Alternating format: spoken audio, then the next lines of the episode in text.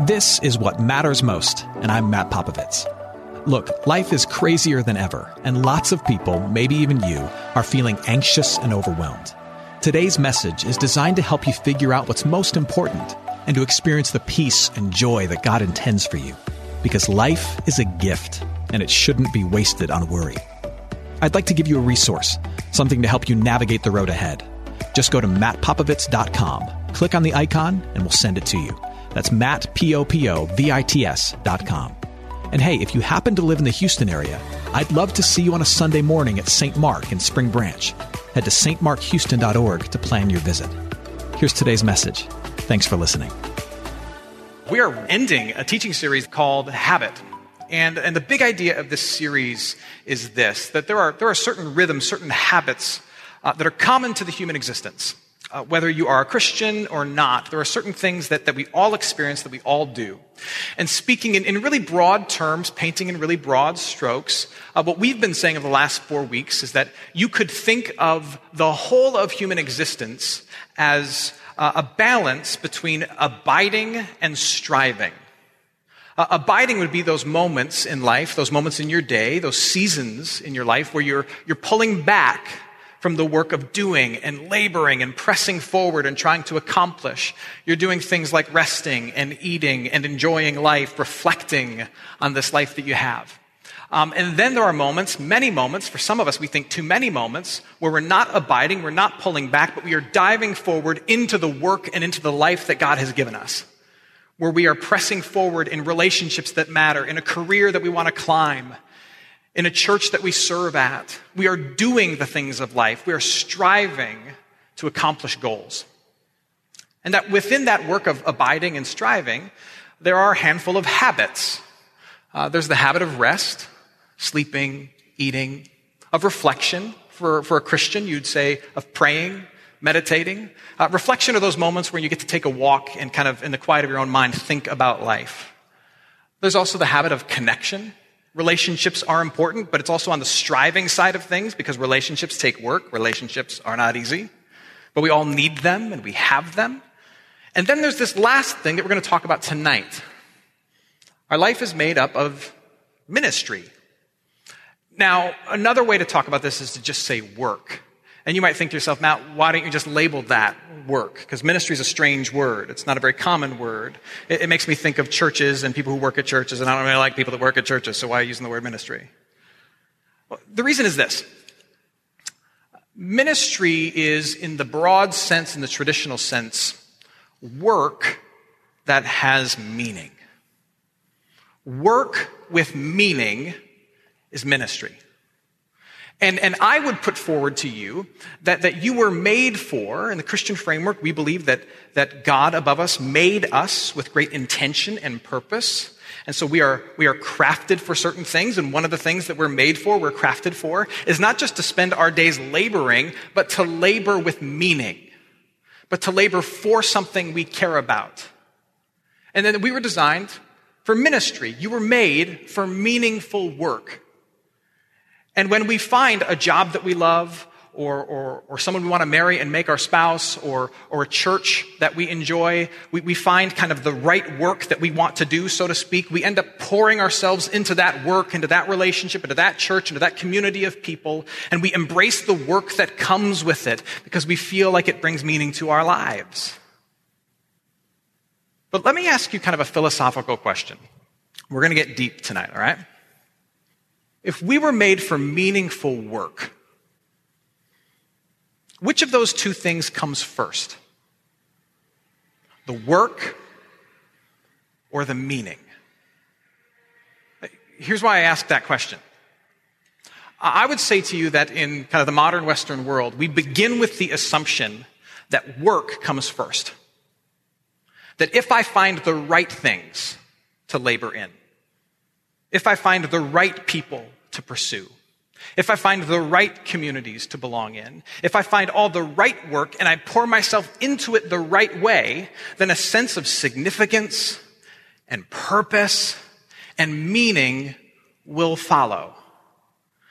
And that's one of the reasons we put so much emphasis on finding the right job, not just a job. Why we put so much focus on finding the right spouse, not just a spouse. Or having the right kids, not just crazy kids. We want to find the right things, embrace the work the right way, because if we do that, then our sense of significance and purpose and worth and meaning will all follow. It, it all depends on my ability to work. When I was in high school, um, there was this emphasis on career placement and um, finding out what the right career fit was for you. And uh, it was like 1997, my junior year. And uh, so we would go into this uh, computer lab, this room filled with computers. And um, uh, we would sit down and we'd take like this 20 minute multiple choice test. And it would ask us a bunch of questions about our skills and our likes and our dislikes. And then it would print out on this printer. Printers used to have like paper that had holes in the side of it. And when it would print, it would make noises like, some of us who are old remember these printers, right? And uh, then, then the, the librarian would come over and rip off this paper and hand you your test results, basically hand you your future.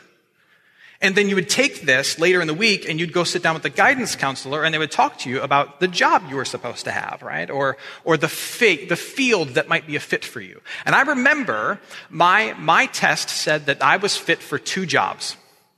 It said that I was fit to be a police officer or, and this, this, is, this is God's honest truth, a talk show host. That specific. I remember talking with my friend, like, why does it think like I should be a cop or a talk show host? And my friend, like, very honestly, very earnestly said to me, well, maybe it said you should be a cop because you, you like to follow the rules and help people, which is true. Um, and it said maybe it said you should be a talk show host because you like the sound of your own voice. Also true. So I became a pastor, which is like the best of both worlds.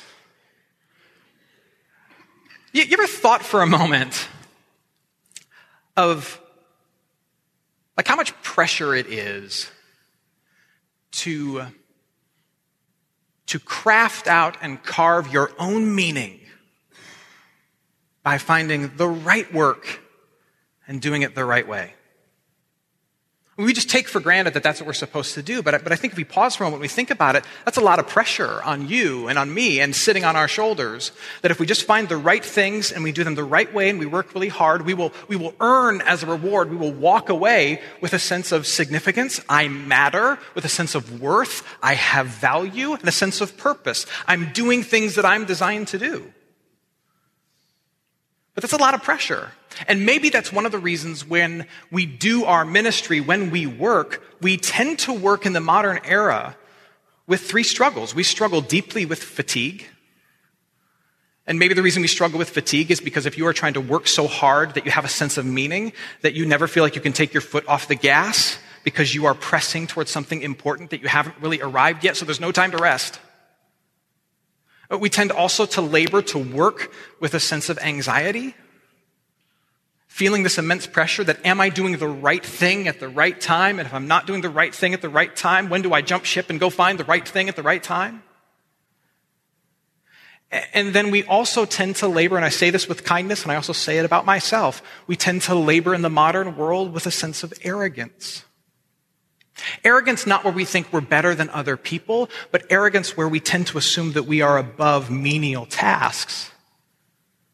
Because after all, how can there be significance and meaning in doing the work that nobody else wants to do? How can there be meaning in reporting to a boss I struggle to respect? How can there be meaning if I have small children in picking Cheerios out of the carpet? How can there be meaning and significance found in, in ordering office supplies for coworkers that aren't my friends? How can this have meaning and significance? The Christian view of work, perhaps not surprising to you, is different than our, our assumptive view of work. If, if the assumption of mankind is that we work and then we get a sense of meaning, uh, the Christian view would be this we bring our meaning to our work. That, that, that in the Christian framework, we labor from meaning rather than for meaning. Like we, we take a sense of significance and worth and purpose that we already have apart from our jobs, apart from our labors, and we bring them into our work and into our labor, and it transforms how we see it. So earlier, Daniel read from Ephesians chapter 2. And I'm going to focus on just a couple of verses from there, and, and I'll show you kind of where this comes from. Ephesians chapter 2, verses 8 through 10. Paul says this For by grace you have been saved through faith, and this is not your own doing. It is the gift of God, not a result of works, so that no one may boast. Paul is underscoring the one sided nature of salvation in the Christian framework. We add nothing to it. None of our effort accomplishes any aspect of it. It's an offensively free gift. Like you're involved in your salvation, but you are not to be credited for it. If you peel back the layers of the onion as to why do I have faith in Jesus and why am I considered a member of his family, you peel back the layers of that onion, what you see at the center is God choosing you, loving you, pursuing you, never giving up on you, placing his hand on you, and pulling you toward him. That's why. And Paul wants to drive that home because any other view of salvation places seeds of doubt inside the human soul. And so then he goes on from there and he says this, for we are his workmanship. He's the artist. We're the clay. Created in Christ Jesus. Now this is the critical piece for tonight. We are created in Christ Jesus for good works. For good works which God prepared beforehand that we should walk in them. So the summary of these few verses is this. God saved you. He, he, placed you in his family, and in placing you in his family, he has given you, given you an inherent worth. He has given you a sense of significance because the most important person who sits at the most important table has chosen you through the work of Jesus Christ to sit at that table with him. So you matter. And it has nothing to do with what you've accomplished. You matter. And then not only that, but then he has set aside for you good work for you to do along your path of life, whatever your path is. Now, if you really think about that, I would argue that that's kind of a mind blowing idea. That before you were even born, before creation was even set into motion, God the Father, in his omniscience, knew you he knew the life you would live and the paths you could walk. He knew the choices you could make. And along every one of those possible paths, along every little thing that you could do every season of your life, the seasons you love, the seasons you hate, he, he placed like a parent putting Easter eggs on the lawn at grandma's house. He placed along the paths of your life good work for you to see and you to discover and only you to do. Which means that wherever you are in your life right now, you may not like where you are, but God has a plan and a purpose for where you are. He has good work appointed for you and only you to see and only you to do that He wants done. Now here's the catch. That good work is typically going to be things that other people overlook and they overlook it for a reason because it's not awesome, it's not sexy, and it's typically not fun. It is the acts of generosity and kindness and sacrifice and service that our human instinct rebels against. But wherever you are, he has opportunities for those faith filled acts of sacrifice and kindness along your path. So, so what this means is, as, as we labor in, in the relationships that matter, in the job that we have, in the communities we're a part of, we get to labor with a sense of peace. I am loved by God and a sense of purpose. Even if I don't like it here, He has things for me to do here. We have peace and purpose no matter where we are, and we bring that into our work. And that, and that gives, um, that gives a, a sigh to our soul that the pressure of proving our meaning and establishing our peace or discovering our purpose, that pressure is off. We labor from a place of meaning, not for meaning. I hope you're enjoying today's message. For more of what matters most, you can head to mattpopovits.com. There you'll find other messages. You can support this ministry as well as access your free gift. Oh, and if you're looking for a local church and you live in Houston, come and see what's happening at St. Mark Houston. To plan your visit, head to stmarkhouston.org. Thanks for listening, and back to today's message.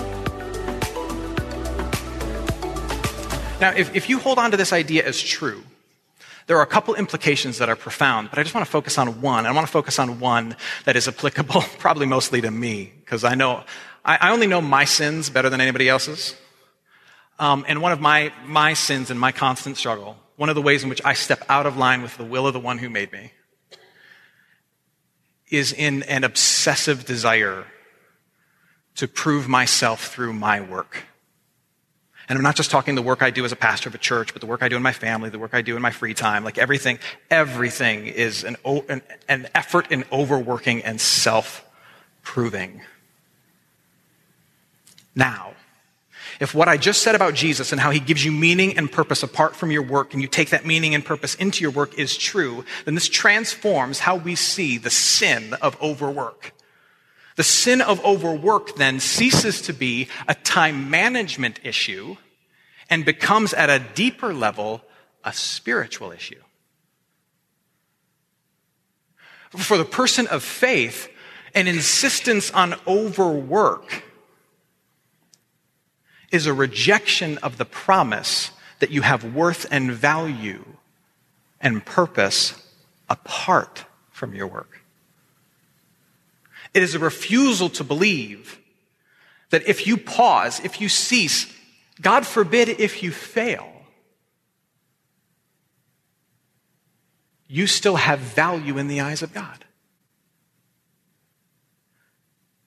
It's a refusal to believe that the words of Jesus Christ, it is finished, the work of proving your place in the kingdom of God through his effort, not your own, is actually accomplished. And so, in our constant rejection of that, we, we live our lives and do our work at a pace that never breaks, and we fill our heart with an obsession over our tasks with no space in our heart for any other things, things like rest or reflection or connection. That whole pie chart becomes ministry. The work we think is unbelievably important. The whole thing becomes one thing.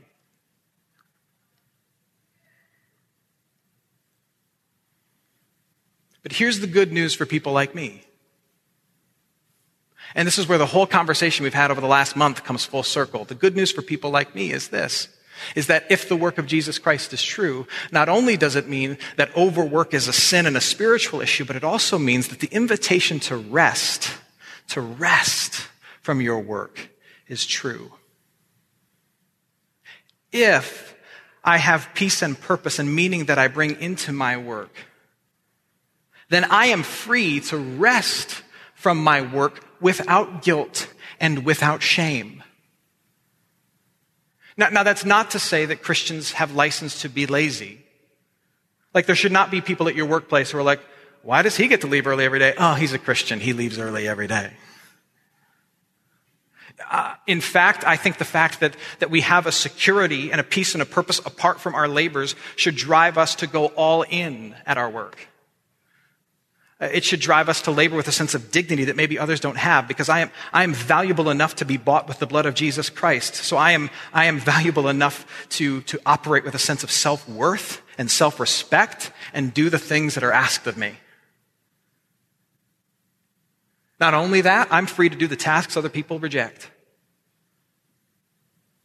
Because my security has been won for me think about this, and this is something I have to tell myself on a regular basis. If my peace and my purpose were not won by my work, then my peace and my purpose are not threatened by my rest. If my peace and my purpose were not won by my effort, then my peace and my purpose are not at risk when I vacation. And sometimes the only way I actually believe that is by forcing myself to do that.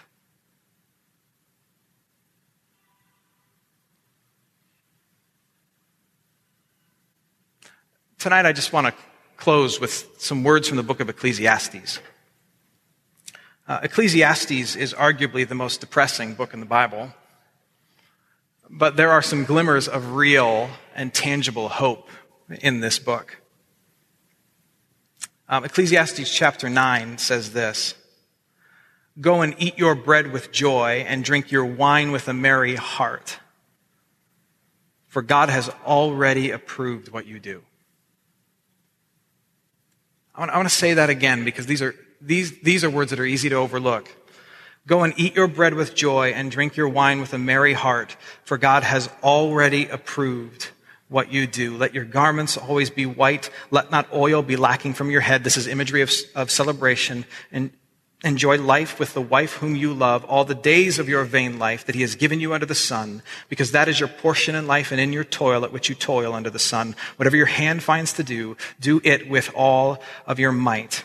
When you actually do choose to rest from your work, what God does is He refills you with this message. He refills you as you rest and you come to this place and He gives you grace as you rest and you enjoy the fruit of your labors. That's what we talked about in week one. But He ultimately refills you with this message that you can simply enjoy your, the fruits of your life because He already approves of who you are in your life. He already approves of you. So there is nothing left to prove by you. Nothing. Uh, I, I want to end with just a couple words of encouragement. Uh, encouragement for those who maybe are tired from their ministry or tired from trying to wring meaning out of their work or tired because they've lost sight of the peace and the purpose that is already yours. So I say this. Did you know that if you're stuck in a job you hate, and you don't have to raise your hand to indicate that you're stuck in a job that you hate, I know it's true for some. If you are stuck in a job that you hate, did you know that that is not reflective of your worth as a person? It is very tempting to think that, that what I do is who I am. And if I don't like what I do, then I don't like myself. But did you know that if you're stuck in a job that you don't like, that that is not at all reflective of your worth as a person? Did you know that if you don't like what you spend your days doing, that there is still purpose found in what you're doing? There are things hidden for you in your work life, in your labor life, things of sacrifice and mercy and goodness and faith, things that other people overlook, but can be found by you and add incredible beauty to what you do. Did you know that? Did you know that if you are overwhelmed by a pressure to build and perform and to become, that you already have acceptance in the eyes of God? Did you know that your hunger to do work that matters is a good thing? That your desire to make an impact in this world and to not waste your days and your labor is a godly thing? And that in Christ you already have the peace that you crave and the purpose that you hope for. May you work knowing that your significance is secured.